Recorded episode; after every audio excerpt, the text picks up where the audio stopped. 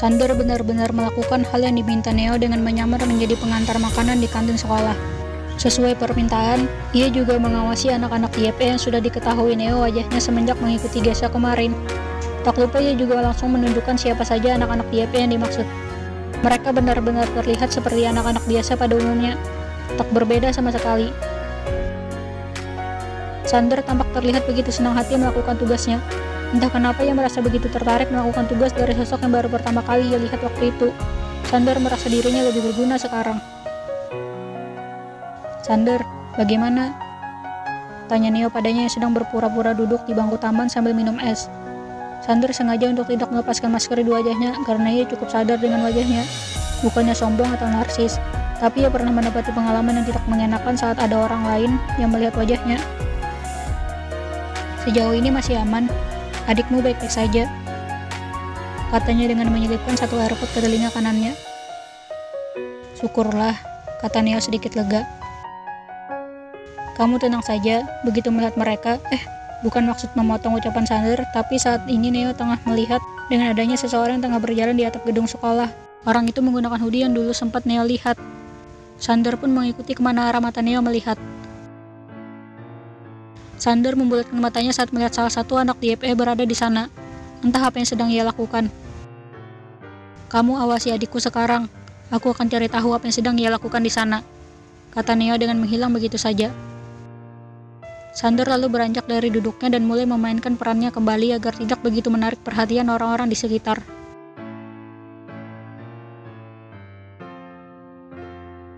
Sayan, udah tahu belum? Tegur Kesa begitu ia kembali dari kantin membeli jajanannya sendiri beserta titipannya Sayan. Belum, kan lo belum ngasih tahu gue apaan? Tahut Sayan seraya menyambut titipannya. Anak kelas 2 yang hilang seminggu lalu sekarang sudah ditemukan tewas dalam keadaan tubuh gak utuh. Keadaannya mirip sama yang dialami Neo waktu itu, kata Kesa sambil menunjukkan forum berita yang ada di ponselnya itu ke Sayan. Sayan pun membacanya. Begitu selesai, ia terhenyak. Tidak menyangka kalau kejadian serupa bisa terulang kembali.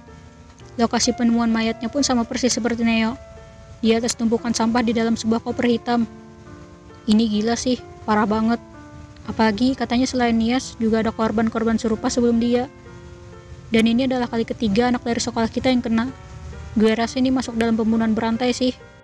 Kata Sean sampai lupa memakan jajanannya. Emang sudah jadi pembunuhan berantai kali, Se? Lihat aja korbannya sudah hampir lumayan banyak gitu. Udah gitu, yang jadi targetnya bukan sembarangan orang. Dari korban-korban yang ditemukan selama ini, itu usianya rata-rata anak sekolahan semua. Terus juga, kalau diperhatikan dalam jangka waktunya, itu semua terjadi setiap 41 hari sekali. Duh, gue jadi makin takut buat keluar rumah kalau sendirian malam-malam. Kata Kesa panjang lebar membuat saya teringat pada dirinya yang suka keluyuran di luar saat malam. Namun, selama ini ia tidak pernah merasa diawasi atau bertemu dan berpapasan dengan orang yang mencurigakan. Apa yang dilalui saya selama ini semuanya begitu normal-normal saja. Jangan bengong eh, Gue minta maaf karena udah bikin lo jadi keinget sama Neo lagi. Gue gak maksud buat bikin lo sedih, Se. Kata Kesa merasa bersalah. Gak, gue jadi tiba-tiba keinget sama omongan Kara tadi pagi aja sama gue. Kata Sean sambil mulai memakan jajanannya. Oh, yang tadi istirahat pertama dia nyamperin lo itu. Emang tadi dia ngomong apa sama lo kalau boleh tahu? Kata Kesa penasaran. Dia bilang ada yang lagi ngawasin dia dari jauh. Cuma dia nggak tahu siapa orangnya. Awalnya, gue pikir dia cuma parno aja alias cuma perasaan dia doang. Tapi kalau dipikir-pikir, kita kan cewek emang lebih peka terhadap sesuatu gitu kan ya. Nah, ditambah sama berita yang barusan lo kasih tahu ke gue ini, menambah kecemasan gue sama Kara buat lebih lindungin dia lagi. Apalagi Kara itu udah gue anggap kayak adik gue sendiri, Kes. Duh, gue jadi tambah khawatir sama Kara. Kata Sian panjang lebar yang mengharuskan Kes untuk lebih menenangkan teman dekatnya itu. Jangan terlalu dipikirkan gitu, Se. Gue yakin Kara gak bakal kenapa-kenapa. Lagi pula tuh ya, sekarang banyak polisi yang berjaga di sekitar wilayah ini. Adik lo pasti aman kok, percaya sama gue. Lagian sekarang kan lagi di sekolah. Gak mungkin kali orang gila itu lakuin hal macam-macam di tempat yang banyak orang gini. Udah gitu, nanti pulang sekolah Kara kan ikut sama lo pulang. Jadi, lo bisa pastikan Kara bakalan baik-baik saja. Ujar Kesa tak kalah panjang berbicara. Sayan akhirnya hanya membenarkan opini Kesa yang ada benarnya juga. Tapi tetap saja, saya jadi penasaran dengan apa tujuan si pembunuh itu yang hanya menargetkan anak remaja saja. Meski begitu, tidak membuat kebiasaan saya yang sering keluar malam jadi gentar begitu saja. Ia akan tetap melakukan aktivitas malamnya seperti biasa.